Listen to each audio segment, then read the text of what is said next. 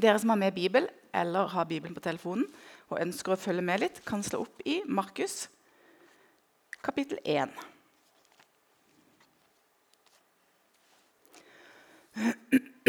Unnskyld. Jeg er ikke syk, og jeg er til og med testa, så jeg tror jeg kan være ganske safe. Bare litt rusk. Jeg begynner i Markus kapittel 1, vers 40. Overskriften er 'Den spedalske'. En spedalsk kom til ham, falt på kne og bønnfalt ham. Om du vil, kan du gjøre meg rein. Jesus syntes inderlig synd på ham. Rakte ut hånden og rørte ved ham. Jeg vil, sa han. Bli ren.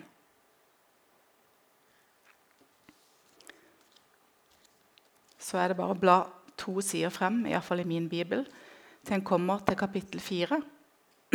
Der er det en overskrift som heter 'Jesus stiller stormen'. Og Da leser jeg fra slutten av vers 38. Mester, bryr du deg ikke om at vi går under? Da reiste han seg, trua vinden og sa til sjøen, stille, vær rolig. Og vinden la seg, og det ble blikkstille. Da sa han til dere, hvorfor er dere så redde?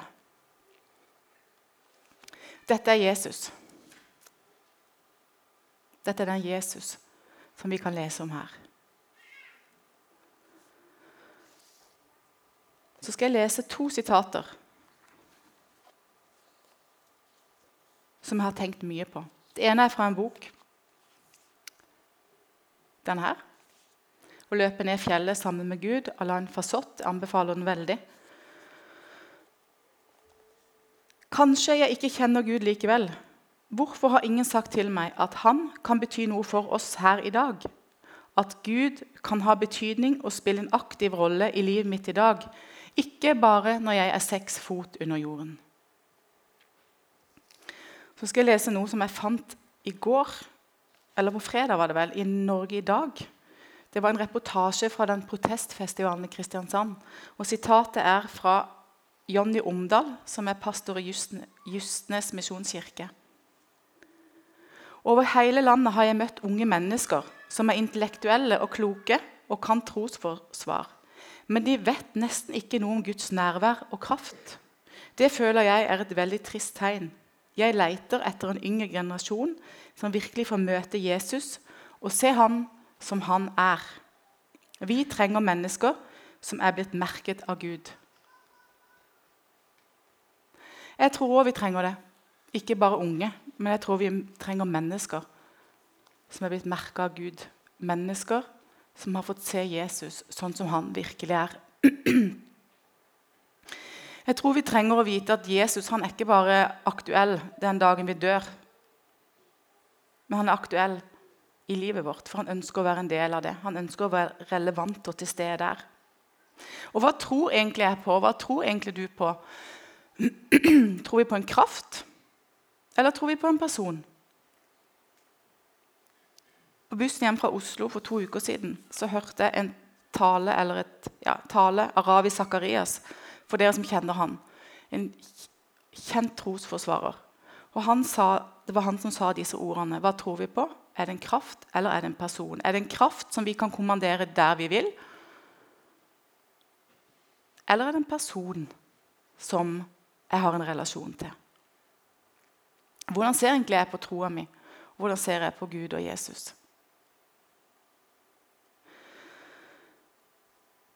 Vi tror på en Gud som ønsker å ha en relasjon til oss. Og Han vil ikke være noe kraft. Han er ikke noe kraft. Og vet du hva? Det er jeg så glad for. Tenk hvis han hadde vært en kraft som jeg kunne prøve å manipulere rundt. En brusautomat som jeg la penger på, og så fikk jeg ut det jeg ville når jeg ville. Da hadde iallfall ikke jeg stått her i dag.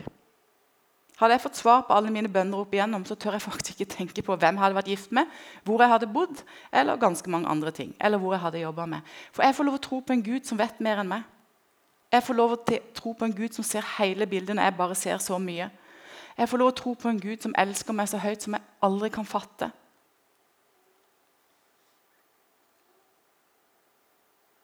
Og egentlig så er det ganske trygt, selv om det også er frustrerende. For jeg har jo lyst på denne brusautomaten noen ganger. Jeg har lyst til å ut av utfordringer. Jeg har lyst til å inn i det jeg vil. Og Det er ikke alltid jeg skjønner hvorfor en må gå gjennom utfordringer og stormer og lidelser.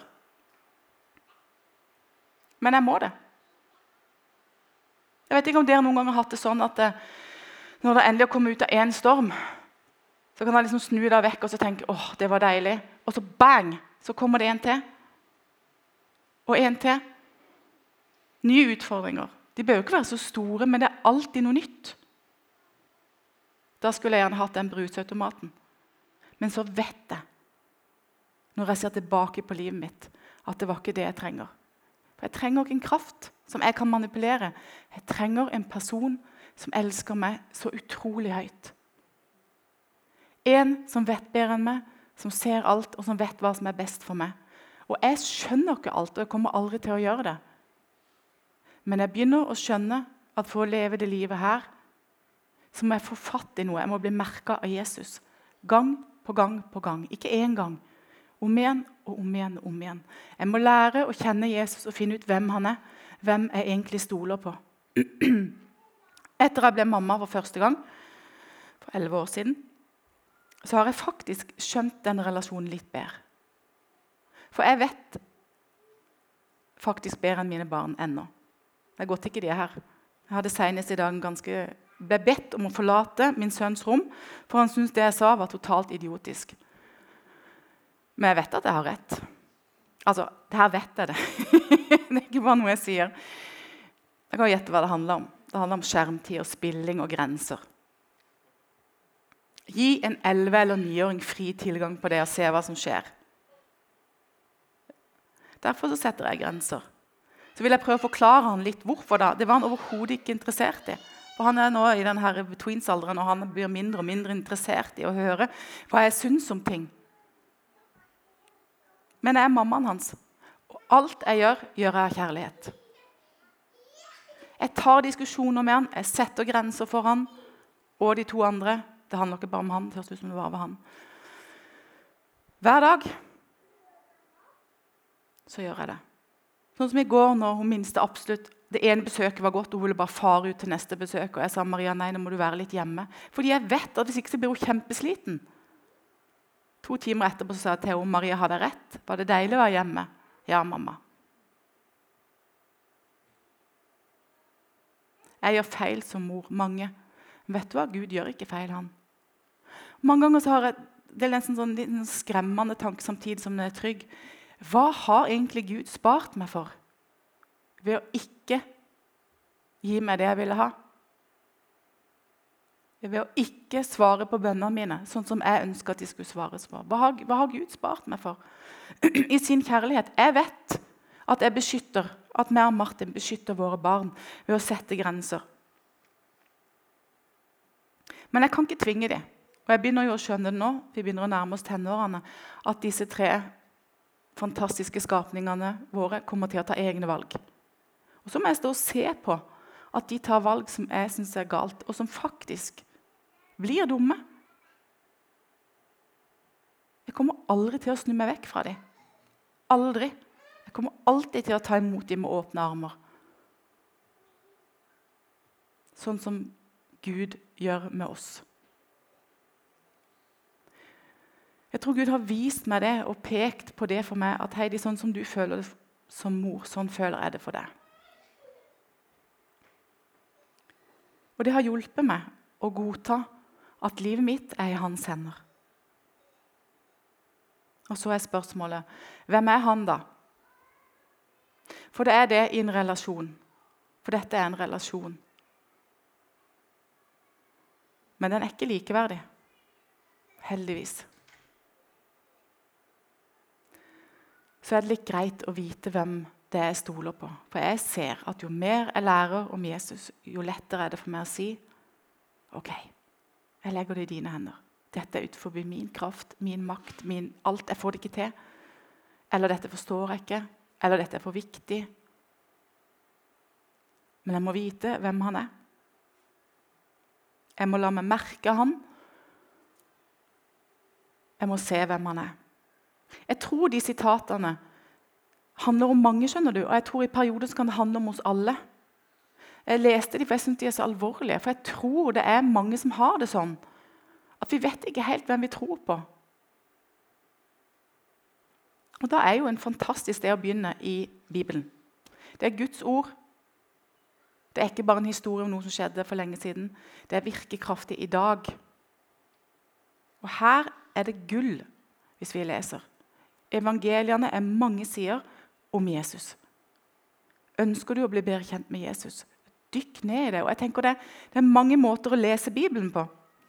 Når jeg leste til den talen, så, og egentlig når jeg har lest mye i evangeliene i det siste, så har jeg liksom leita etter hvem er du, Jesus. Jeg ønsker å bli kjent med deg. Jeg ønsker ikke bare å lære noe nytt sånn læremessig, men jeg ønsker å bli kjent med deg, Jesus.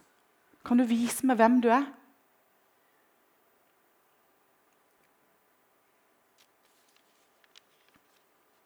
Altså Bare i de fire første kapitlene så kunne jeg holdt en tale på tre timer om hvem Jesus er.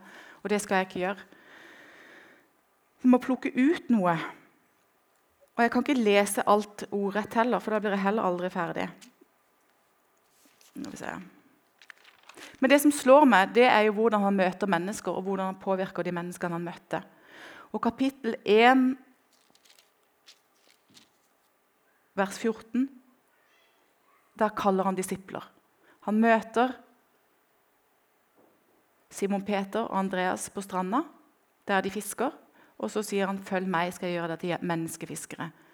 I kapittel 2, 13 møter han Levi, en toller som sitter i en tollbod. Og så sier han til han, 'Bare slipp alt du har i hendene, følg med'. Jeg tror vi har lest det så mange ganger at vi har glemt det radikalt det Hva er det med et menneske som gjør at folk faktisk slipper det de har i hendene, og følger ham? Ja, de hadde hørt om han. Noen av dem hadde kanskje møtt han før. Jeg tror ikke Levi hadde det. Og Det har jeg tenkt mye på. det her vet jeg at jeg sa i forrige tale òg. Men jeg, jeg, kommer ikke unna det. For det må ha vært noe utrolig spesielt i det møtet med Jesus. Hva har han utstrålt? Jeg tenker at han har utstrålt en kjærlighet som, som, de aldri har møtt før. For jeg tror kanskje det er det som Hvis det er noe som skal få meg til å kaste det jeg har, så må det jo være å være så elska. Han var Guds sønn. Han var kommet til jorda for å dø for akkurat det mennesket han møtte. Når han så Levi inn i øynene der i den boden, da den kjærligheten som var i hans øyne, det var den kjærligheten som drev han til korset noen år seinere. Jeg tror den kjærligheten var der. Jeg tror det var den kjærligheten Levi møtte der. Jeg tror det var den kjærligheten disiplene så, som gjorde at de bare tenkte ok, hvis jeg elsker så høyt, så går jeg med det. Og så er det at Jesus han var ofte omgitt av store folkemengder. og Hvis dere leser de fire første kapitlene, så vil dere se det mange ganger. Det strømmer folk til døra, Jesus går ut på et ensomt sted, folk følger etter ham. Enormt mye mennesker som følger etter ham. Av samme grunn, tenker jeg. Ja, han gjorde mange mirakler. Han gjorde det i kjærlighet. Han møtte mennesker der hvor de var. Men han hadde tid til den ene.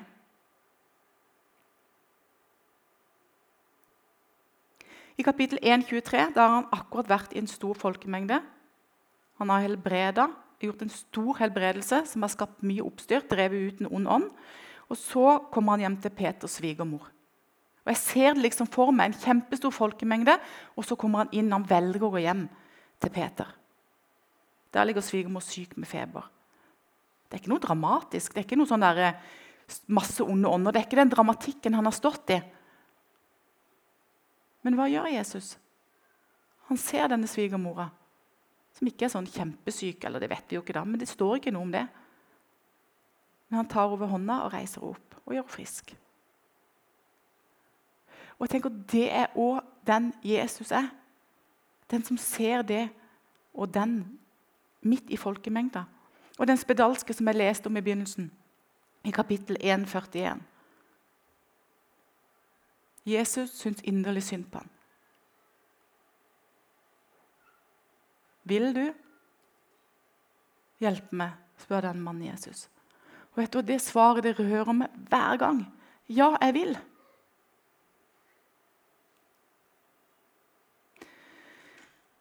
Du kan nå lese om den lamme som de firer ned gjennom taket. Det er så folk der at ikke de får han frem til Jesus.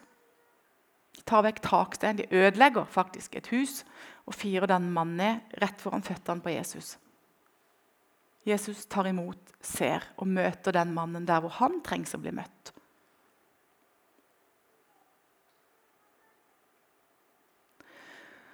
Hvis en går i slutten av kapittelet, eller ikke kapittel, men disse fire, altså i kapittel 4 Jesus stiller stormen, kapittel 4, 25. Jeg har lyst til å lese det. Samme dag da det le mot kveld, sa han til dem, la oss sette over til den andre sida av sjøen. Og det er viktig. Det er Jesus som ber de sette over. Jesus vet at det kommer en storm, men Jesus ber de sette over. Men han går opp i båten sammen med dem. De lot folket bli igjen og tok ham med seg i båten som han satt i. Også andre båter fulgte etter. Da kom det en voldsom virvelvind, og bølgene slo inn i båten, den holdt på å fylles. Men han lå og sov på en pute bak i båten. Da vekket de ham og sa til ham, 'Mester, bryr du deg ikke om at vi går under?'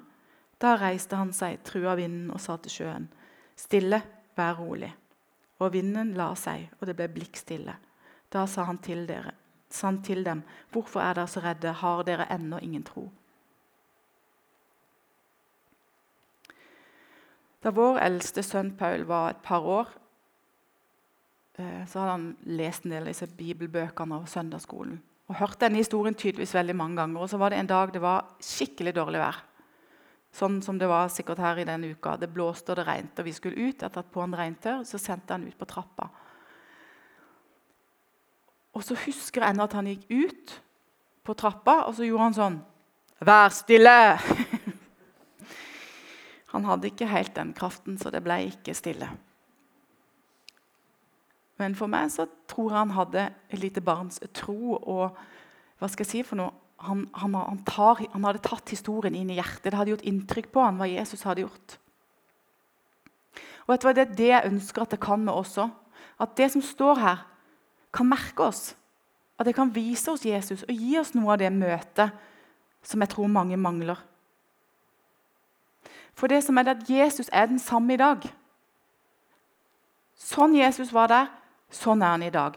Sånn Jesus møtte folk for 2000 år siden, sånn vil han møte deg i dag. Sånn vil han møte meg i dag.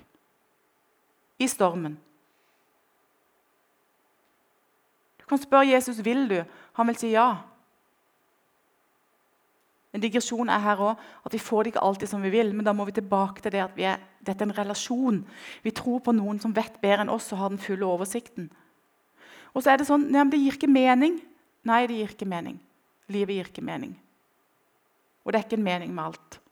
Men vet du hva? Jeg vil heller gå gjennom et liv med meningsløse hendelser sammen med Jesus enn uten. For da har jeg iallfall en å gå sammen med som er større enn meg. Og det er akkurat som når jeg møter stormer og vanskelige ting, eller på en litt kjip dag da troa kanskje blir litt sånn tvilende Det er akkurat som Gud hvisker med øret, så sier han, 'Se tilbake'. Se tilbake på det jeg har gjort. Du vil se spor av meg i livet ditt. Jeg har merka det Heidi, mange ganger.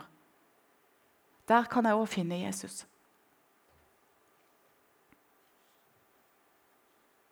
Han som kjenner meg bedre enn jeg kjenner meg sjøl.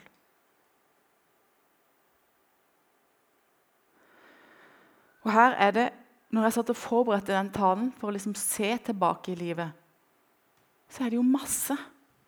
Men det er så lett å glemme det.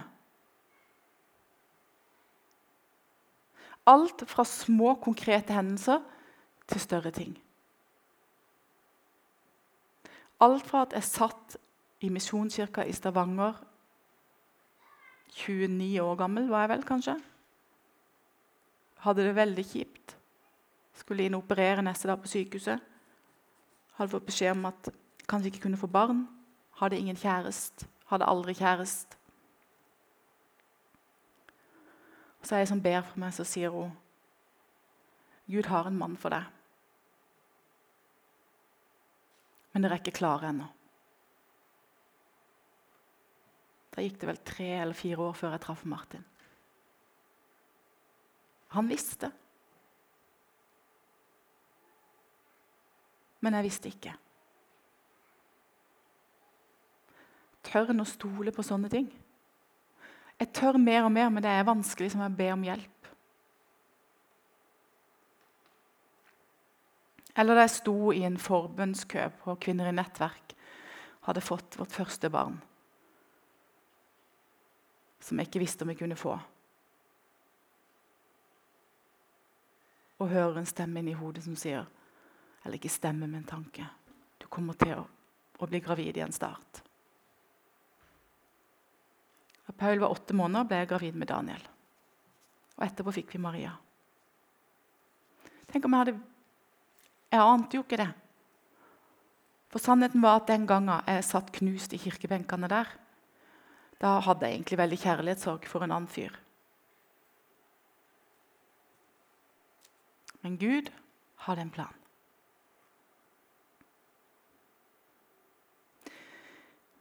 Helt ned til små ting som den jobben jeg har i dag på Drottningborg ungdomsskole. Som jeg egentlig ikke hadde noe lyst på. For jeg skulle aldri jobbe med ungdommer.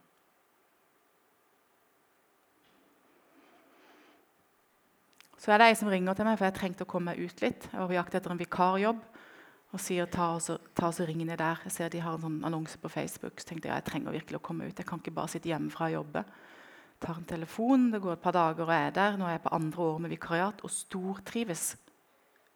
Men jeg hadde ikke valgt det sjøl. For Gud kjenner meg bedre enn jeg kjenner meg sjøl. Gang på gang så ser jeg det. Nåden. Hvert møte i Bibelen, hvert møte i det jeg leser, hvis jeg leser i Markus, er fylt med nåde. Ufortjent kjærlighet. Levi var en stor synder. Han hadde gjort masse galt. Jesus spør ikke om det. Jesus kaller han. Så endrer Levi seg pga. Guds kjærlighet. Fordi han ble merka. Nåden kan noen ganger bli litt sånn Hva skal jeg si honnørord for meg. Det kan være litt sånn farlig med disse ordene. jeg kan glemme det litt, Men i koronaperioden så fikk jeg en veldig stor opplevelse av nåden. Det gikk ikke så bra for meg i koronaperioden, for jeg takla veldig dårlig å være, ha hjemmeskole med tre barn og en mann som var på jobb hver dag. Eh, jeg kan si at Barna mine er åtte, syv, ni og elleve. Syv, ni og ti var de da de hadde en sånn, selvfølgelig hadde de en sånn bilde om det, at nå var jo mamma både mamma og lærer. og alt det andre er som mamma. Så det, det ble en sånn ekstrem sammenblanding av rollene. og det var akkurat som Om ikke jeg hadde mange behov å tilfredsstille hos de tre før, så hadde jeg jo liksom lærergreier òg nå. Og det tok nesten rotta på meg. Jeg er ikke så veldig tålmodig heller. Jeg skulle ønske jeg hadde mer tålmodighet, men det har jeg ikke. Så det gikk en kule varmt litt for mange ganger. Og så fikk jeg streptokokkinfeksjon i halsen to ganger etter hverandre.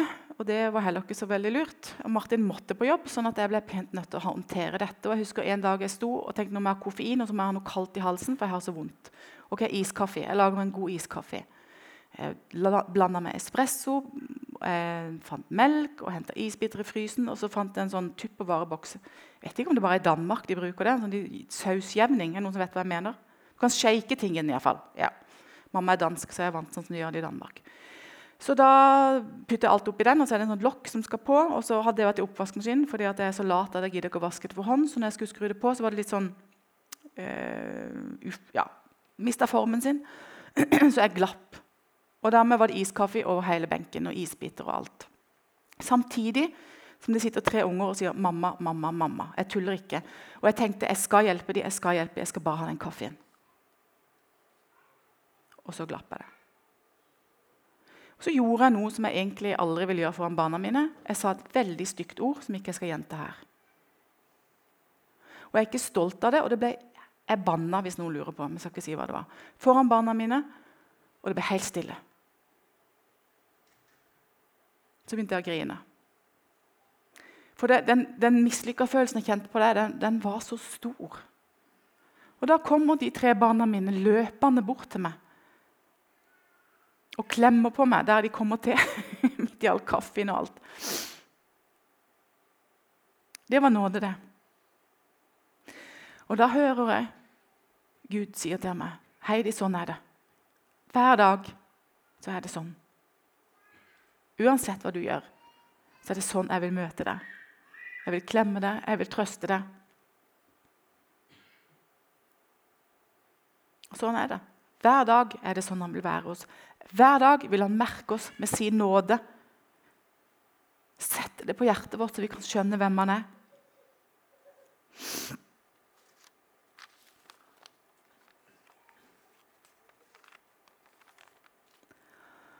Og så er det de stormene, da.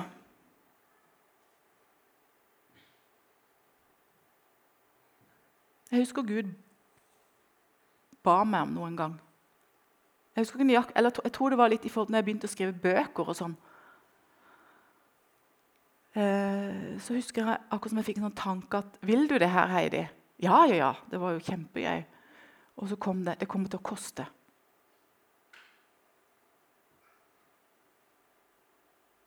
Det er litt det samme som at han ba meg sette over noe.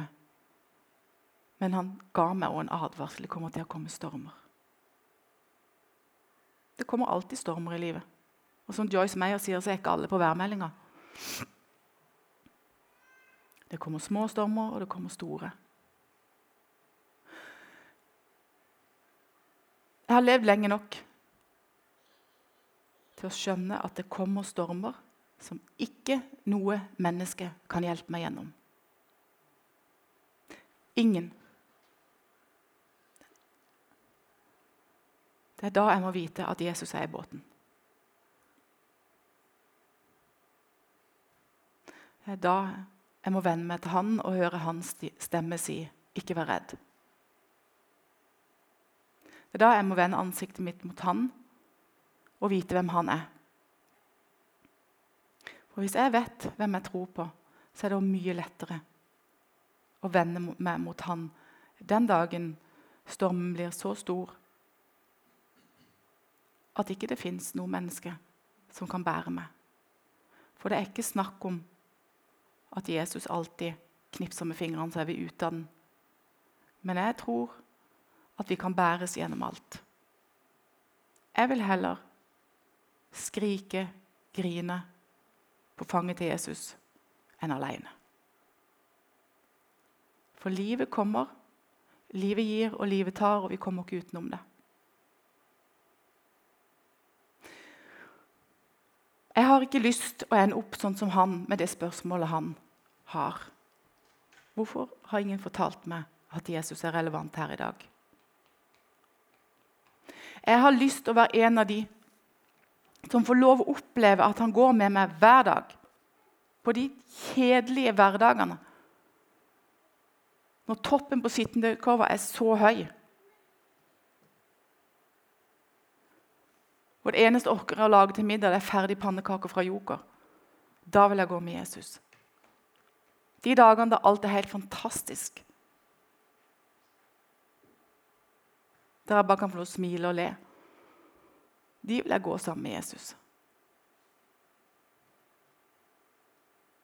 Og så vil jeg gå de dagene der hvor jeg egentlig ikke orker å gå. Der hvor det å stå opp, senga, opp av senga, det er bragd nok. Og jeg vet at kanskje så hadde jeg ikke klart det uten Jesus.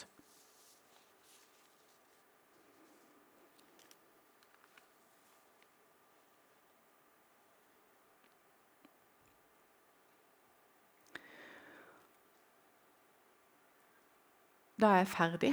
Jeg tenkte jeg skulle be en bitte liten bønn. Og så har jeg lyst til å si det at hvis du sitter der og tenker at jeg, vil, jeg kjenner han ikke, den Jesus du snakker om, eller jeg vil ha merkes mer, jeg vil ha mer, så er det forbedre her i dag. Ta det steget og søk forbønn, eller snakk med noen andre. Eller. Men vi er satt her for å tjene hverandre. Og én ting til bruk denne. Be Jesus kaste lys over det som han vil si til deg. Kjære Jesus, takk for at du er den du er. Jeg ber om at du bare må åpenbare mer og mer av hvem du er for oss. Må du merke oss, Jesus. Må du møte oss der hvor vi trengs. Må du hjelpe oss så vi kan bli så trygge på deg, Jesus, kjenne oss og elska at vi kan legge alt vårt liv i dine hender. Amen.